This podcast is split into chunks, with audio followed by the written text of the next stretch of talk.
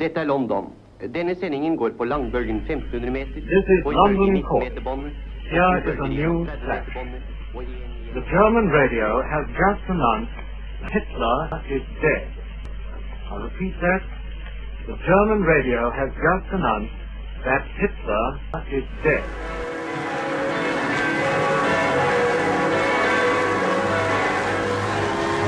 Vi er fri! Det er fred! Et Norge i tindrende glede har feiret sin gjenfødte frihet i disse hektiske dagene.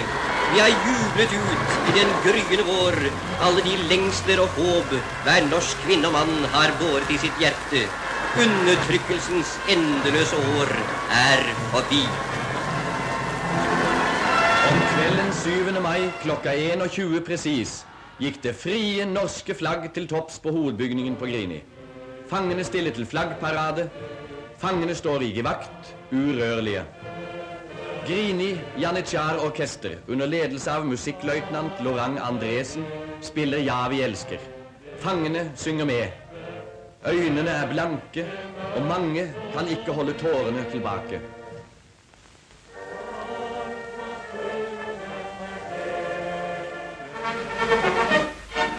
Så skulle til slutt dagen komme, den 7. juni 1945, som dannet klimaks på den vidunderlige tid det norske folk har gjennomlevet siden den tyske militærmaskin brøt sammen.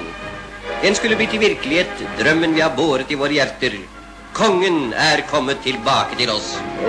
Ago, an American airplane dropped one bomb on Hiroshima and destroyed its usefulness to the enemy.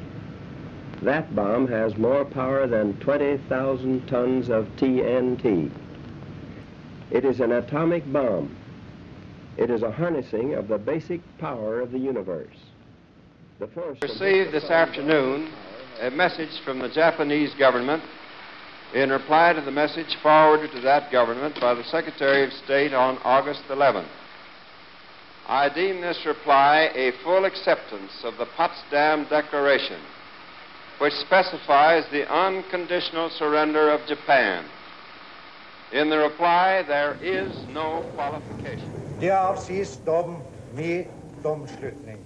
Tiltalte Vidkun Abraham Lauritz Quisling dømmes til døden for forbrytelser mot den militære straffelovs paragraf 80 nummer 1, 2 og 3 og mot den borgerlige I denne spesialepisoden av Amerikansk fotball-podcast skal vi tilbake til det året hvor amerikansk fotball for første gang ble spilt på norsk jord.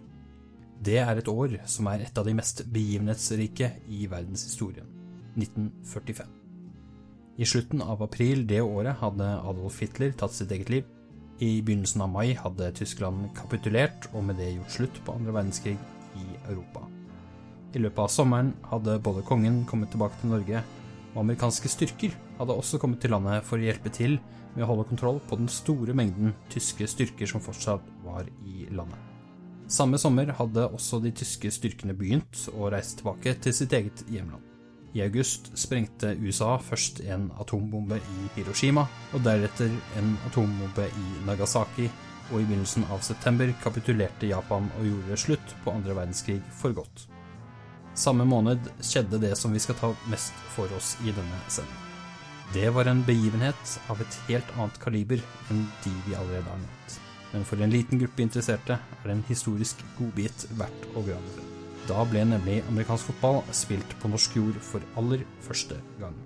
Cirka en måned inn i fremtiden lå henrettelsen av Vidkun Quisling.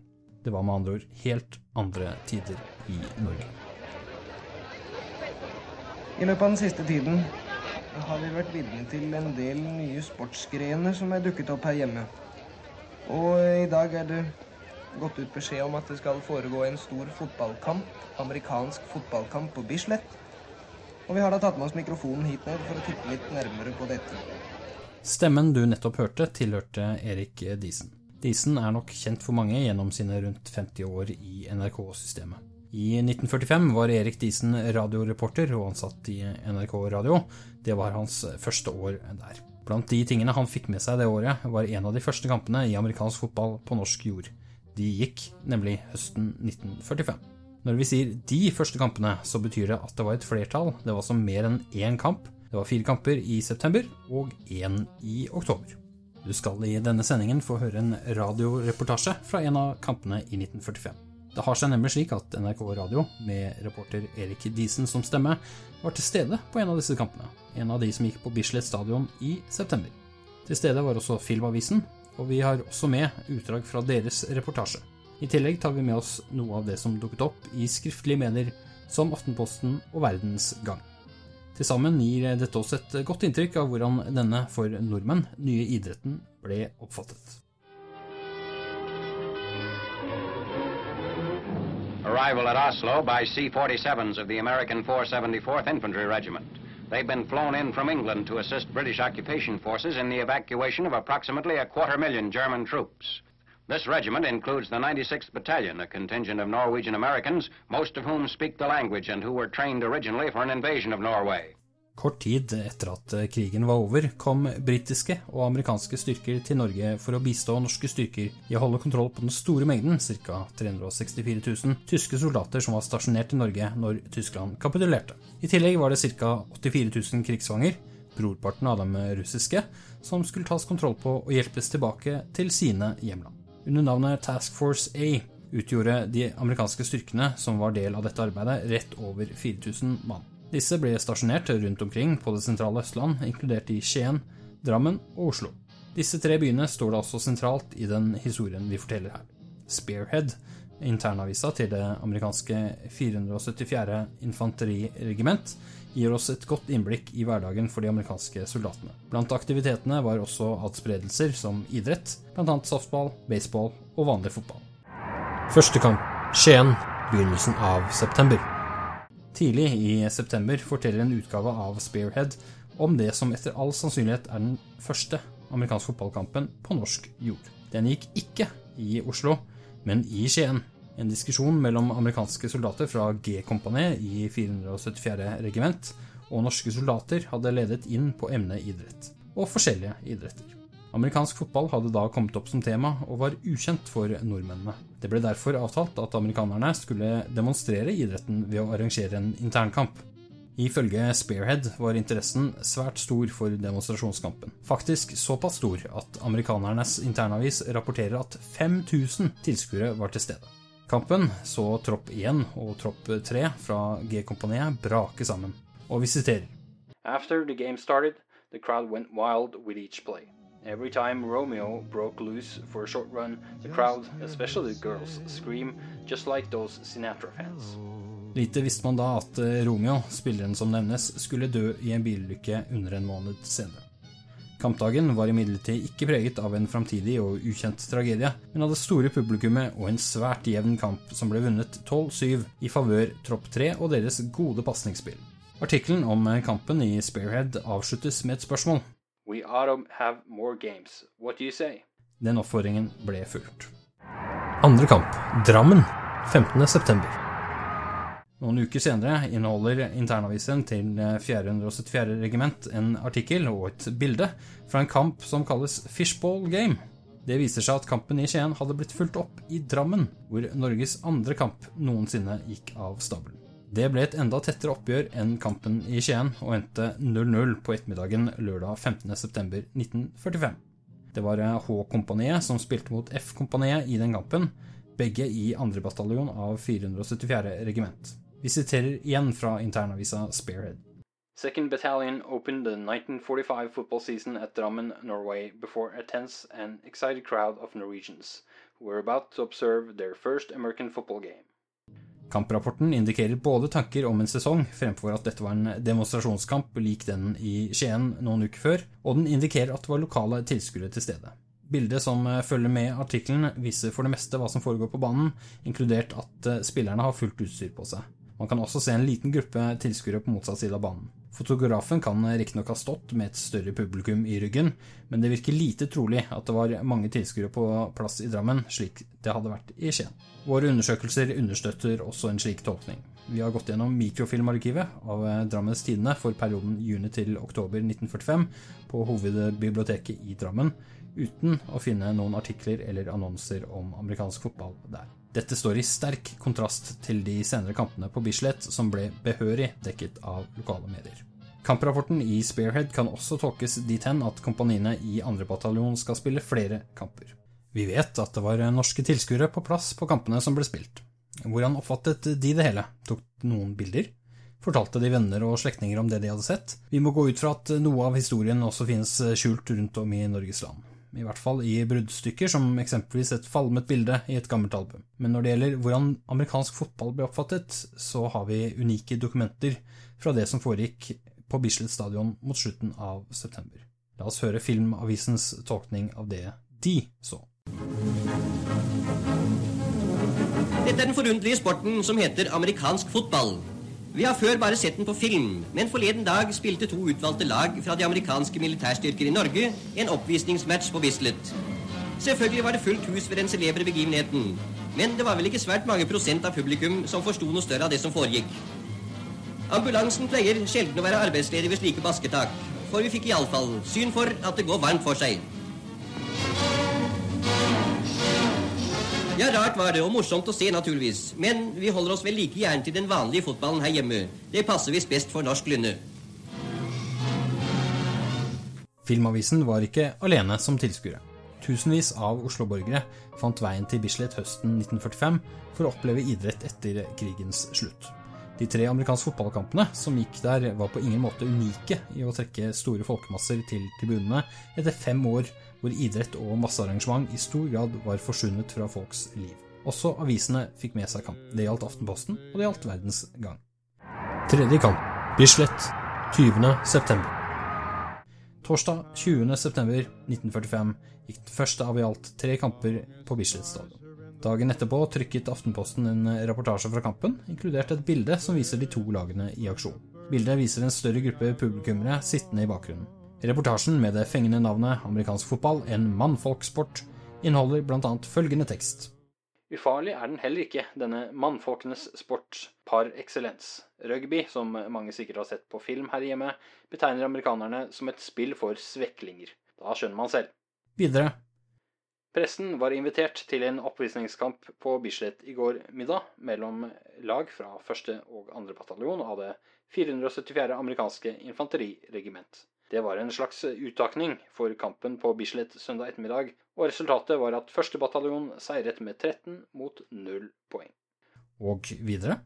Pressen hadde under kampen utmerkede siseroner i den amerikanske major Dempsey og norsk-amerikaneren Roy Mikkelsen, den kjente skihopper fra Kongsberg. Mikkelsen vil også stå ved mikrofonen søndag og orientere publikum om spillets faser og poenger. Vi kan love tilskuerne at de ikke kommer til å kjede seg.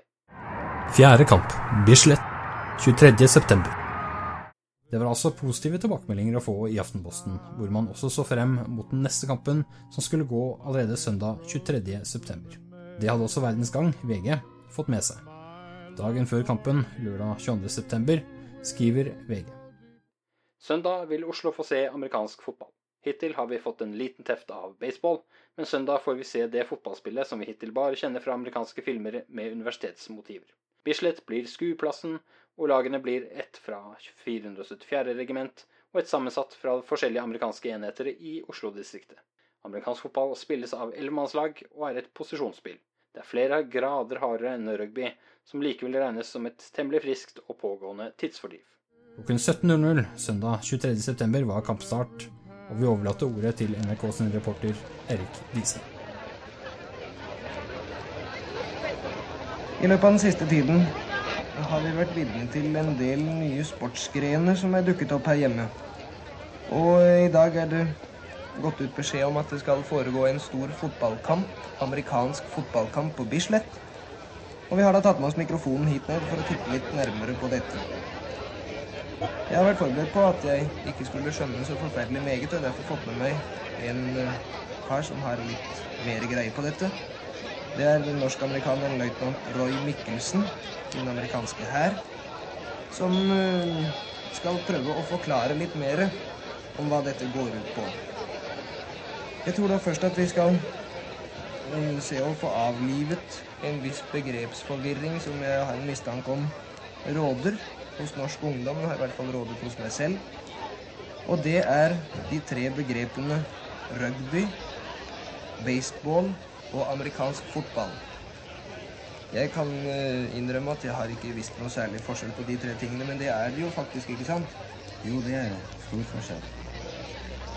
Det er eh, Altså bare prøv å gi en kort karakteristikk som viser forskjellen på dette. Ja, altså baseball og, og amerikansk fotball, det er jo amerikanske sportsgrener, og rugby er engelsk, ikke sant? Det er riktig. Og baseballen ligner eh, mest akkurat hva vi kaller å slå ball ja, i Norge. I litt mer utbrodert form, selvfølgelig. Men det, Absolutt. men det er det samme systemet, altså. Foruten eh, gummiball, vi har en meget hård ball som brukes i baseball. Ellers er det omtrent det samme. Nå, eh, rugbyen, den engelske rugbyen, ligner mye mer på håndballen som de spiller her nå.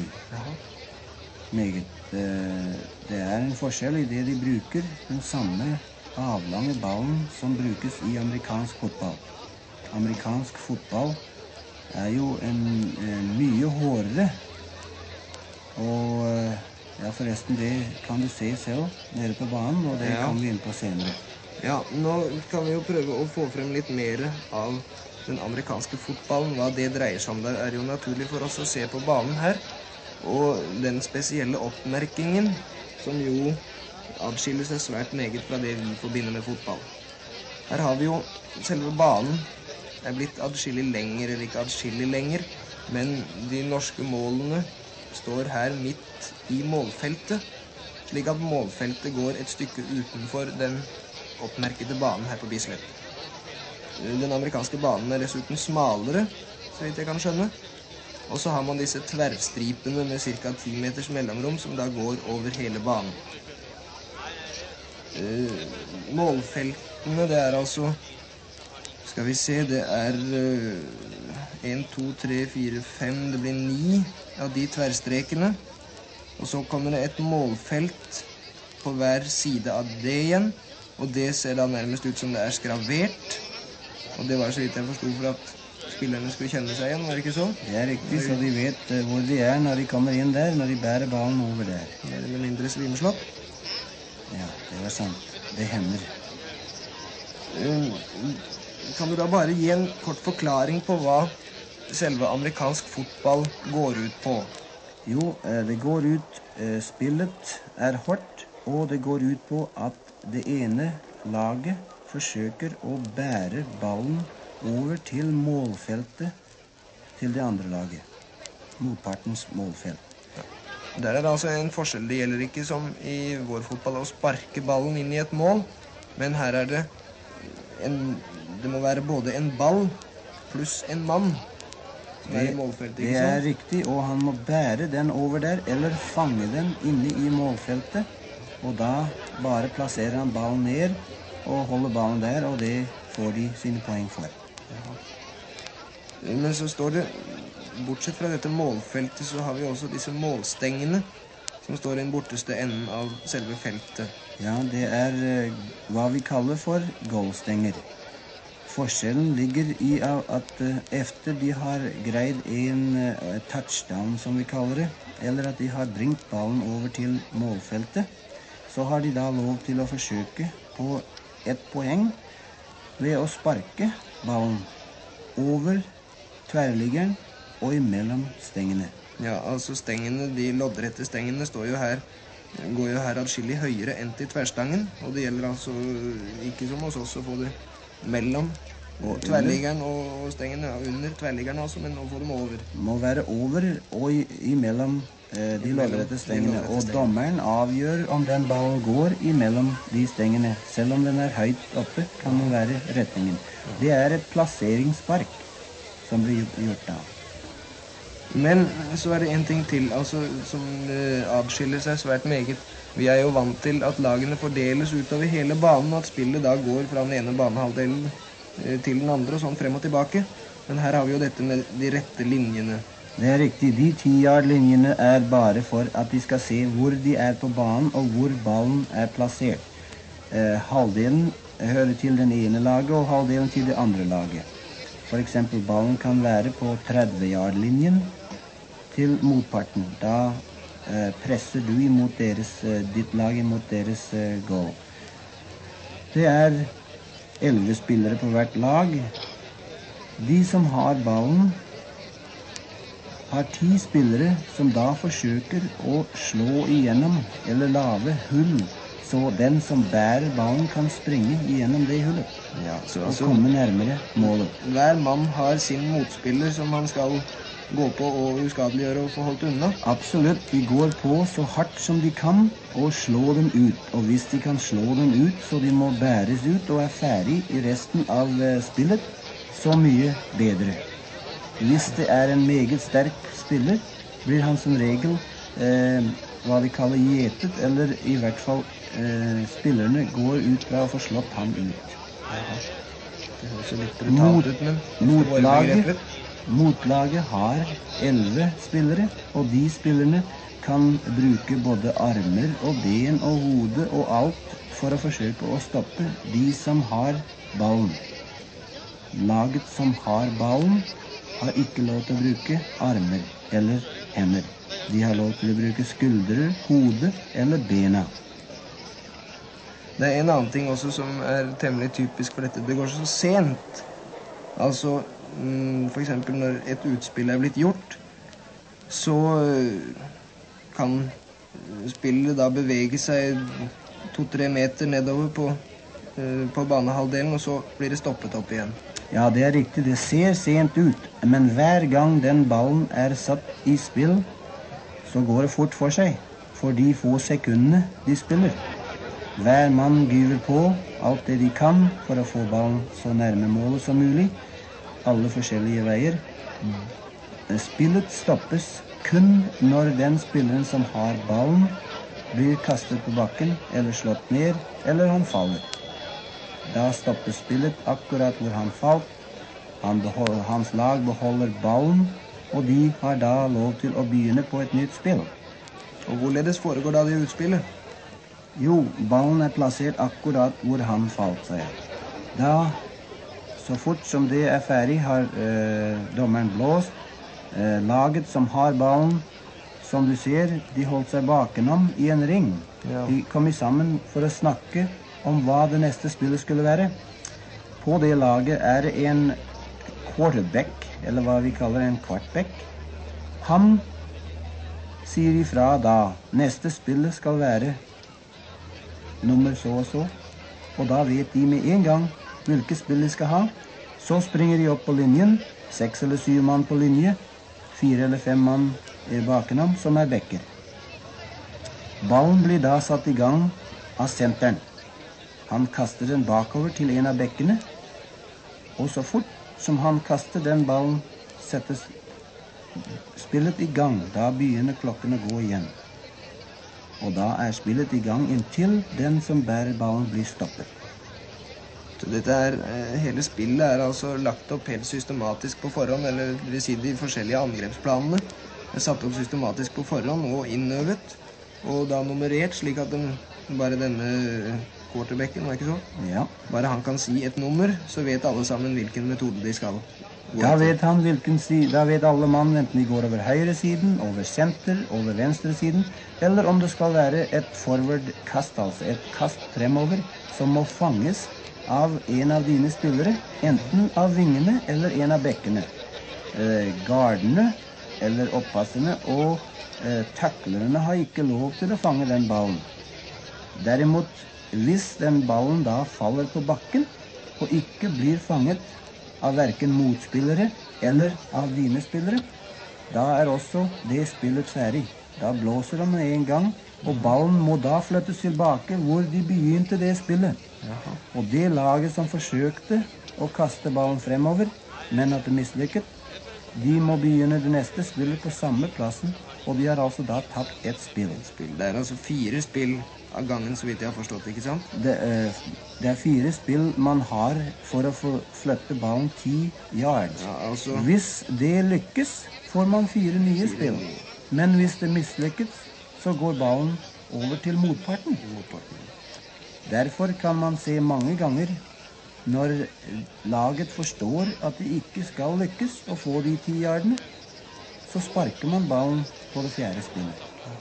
For å få ballen så langt ned mot motpartens mål som mulig. Ballen blir da enten fanget eller uh, tatt opp av motspillerne, og de forsøker å bringe den tilbake så langt som mulig. Så uh, var det én ting til slutt. Det er jo et forholdsvis brutalt og hardt spill, så vidt vi har kunnet se hittil. Og vi ser jo at disse karene er godt utstyrt med, med klær og panser og plate, om jeg så må si. Hva er det egentlig de har på seg av den slags ting, altså hjelmer og dette her? Jo, de har en nokså god beskyttelse for de eh, partene av legemet som skal beskyttes. Det er hodet, først og fremst. De har en hjelm som er eh, et godt stålbelag på, og lær. Alt sammen. Meget god beskyttelse. Og så har de oppe på skuldrene, som de ser, noen store, tykke, sterke vattplater med lær over toppen av dem. Det er omtrent en tre-fire tommer tykk. Og så har de øh, ved siden av det, på lårene, så har de noen harde plater som beskytter lårene også. De har ikke noe på leggene, men et par alminnelige fotballsko. Litt grann bløtere enn våre europeiske fotballsko. Ja, og du kommer vel godt med, kan jeg tenke meg. Vi ser jo her, eller har jo sett her i første halvleken, hvorledes de har kastet seg rett foran hverandre for å avverge at en mann skulle komme i nærheten av golffeltet. De kaster seg jo rett gjennom luften og rett foran bena på dem. Jo, det hender fort vekk, og mange blir naturligvis ødelagt og får skavanker av dette spillet. Eh, disse karene du har sett i dag, spiller kanskje ikke så hardt som de skulle pga. det at treningen har vært lidderlig kort. Men når man eh, trener hele sommeren og hele høsten, og da er de eh, i god stand til å spille, blir spillet hardt. Men da kan de også ta det. Ja, da tror jeg vi skal få lov å si takk for, for denne utgreiingen her. Og heller ofre oss for det som foregår nede på banen. Også internavisa til 474. regiment, Spearhead, var til stede på kampen. De skrev en kamprapport i etterkant. Den kunne fortelle at tusenvis av nordmenn og noen få hundre amerikanske soldater var til stede som tilskuere på kampen, hvor første bataljon fra 474. regiment møtte det som omtales som Camp Huseby. Første bataljon vant kampen 7-0 etter en touchdown med påfølgende ekstrapoeng sent i første periode. Spearhead beskriver også det norske publikummets reaksjon på det de fikk oppleve. At first, the Norsk folk just shook their heads and smiled at the crazy antics of the Americans. But as the game progressed, they cheered loudly whenever a runner broke loose for a big gain or was tackled particularly hard. One civilian was overheard asking a GI if it was customary to change sweaters every time a player was changed. This was due to the shortage of football jerseys. Dermed vet vi altså at det var utstyr for sporten på plass, men ikke i overflod. Kamprapporten i Spearhead forteller også hvem spillerne var, og ut fra det vet vi at eh, hvert lag talte 20 spillere, ikke mer. Femte kamp, Bislett, 4. oktober. Det gjensto da én kamp i vår fortelling, og det var selveste Norgesmesterskapet. Ikke Norgesmesterskapet mellom to norske lag, men de amerikanske styrkenes norgesmesterskap i amerikansk fotball. Aftenposten omtalte det hele samme dag som kampen skulle gå, torsdag 4.10.1945. Kampen, eller finalekampen som Aftenposten korrekt benevnte det som, skulle gå som del av et større arrangement i regi av Studioteatret. Studioteatret var et helt nytt teaterprosjekt, startet høsten 1945, og arrangementet, som hadde en vanlig fotballkamp som hovedattraksjon, gikk til inntekt for dette nye teatret. Opprinnelig skulle finalekampen gå som et separat arrangement klokken 14, men som Aftenpostens artikkel beskriver, ble det etter hvert annerledes. Vi siterer. Dagens begivenhet blir naturligvis Studioteatrets arrangement på Bislett i aften, så meget mer fordi det nå er kommet et sensasjonelt innslag i underholdningen. Det sensasjonelle består i at publikum først får se finalekampen i fotballmesterskapet for Uncle Sams styrker i Norge. Saken er at denne kampen egentlig skulle vært spilt klokken 14 i dag, men da amerikanerne hørte om Studioteatret og matchen mellom lege- og lærerfronten, ble de så interessert og stilte seg så sympatisk overfor stevnet at de simpelthen ga sin kamp som et bidrag til Studioteatrets arrangement. Så nå får publikum denne enestående anledning til å se ekte American football, the men's sport, som de kaller den. Den hardeste og mest robuste form for fotball som finnes. En rekke proffspillere deltar på lagene, som hovedsakelig består av studenter fra de større amerikanske universiteter. I artikkelen påpekes også at dette er den store finalekampen om mesterskapet i Norge for American football, parentes The Man Sport, som det står. Kampen skulle gå mellom det 474. infanteriregiments første og andre bataljon.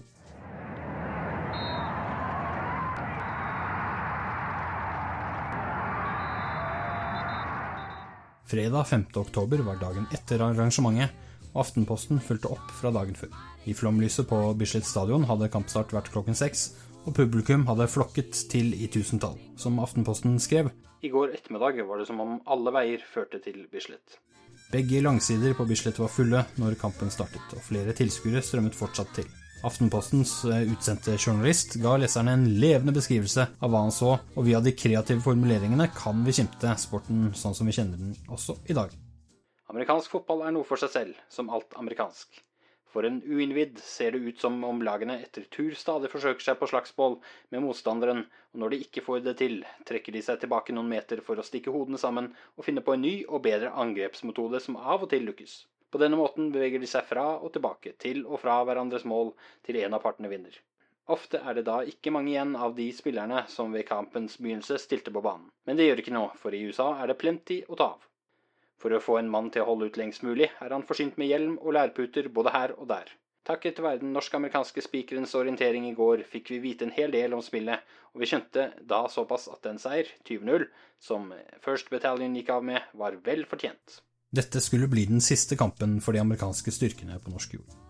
Et par uker senere forlot 474. regiment og resten av Task Force A Norge, og etter flere års utlendighet gikk verden endelig tilbake til USA. These are the guys who win it for us the Nazis, and the entire nation welcomes them home.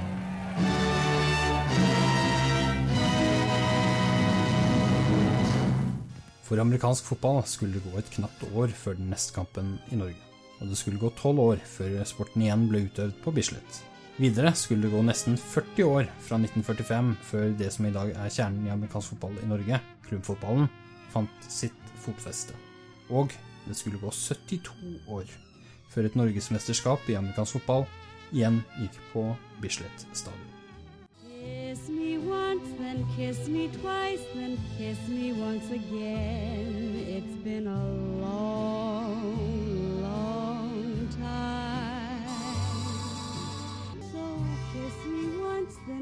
me twice, then kiss me once again. It's been a long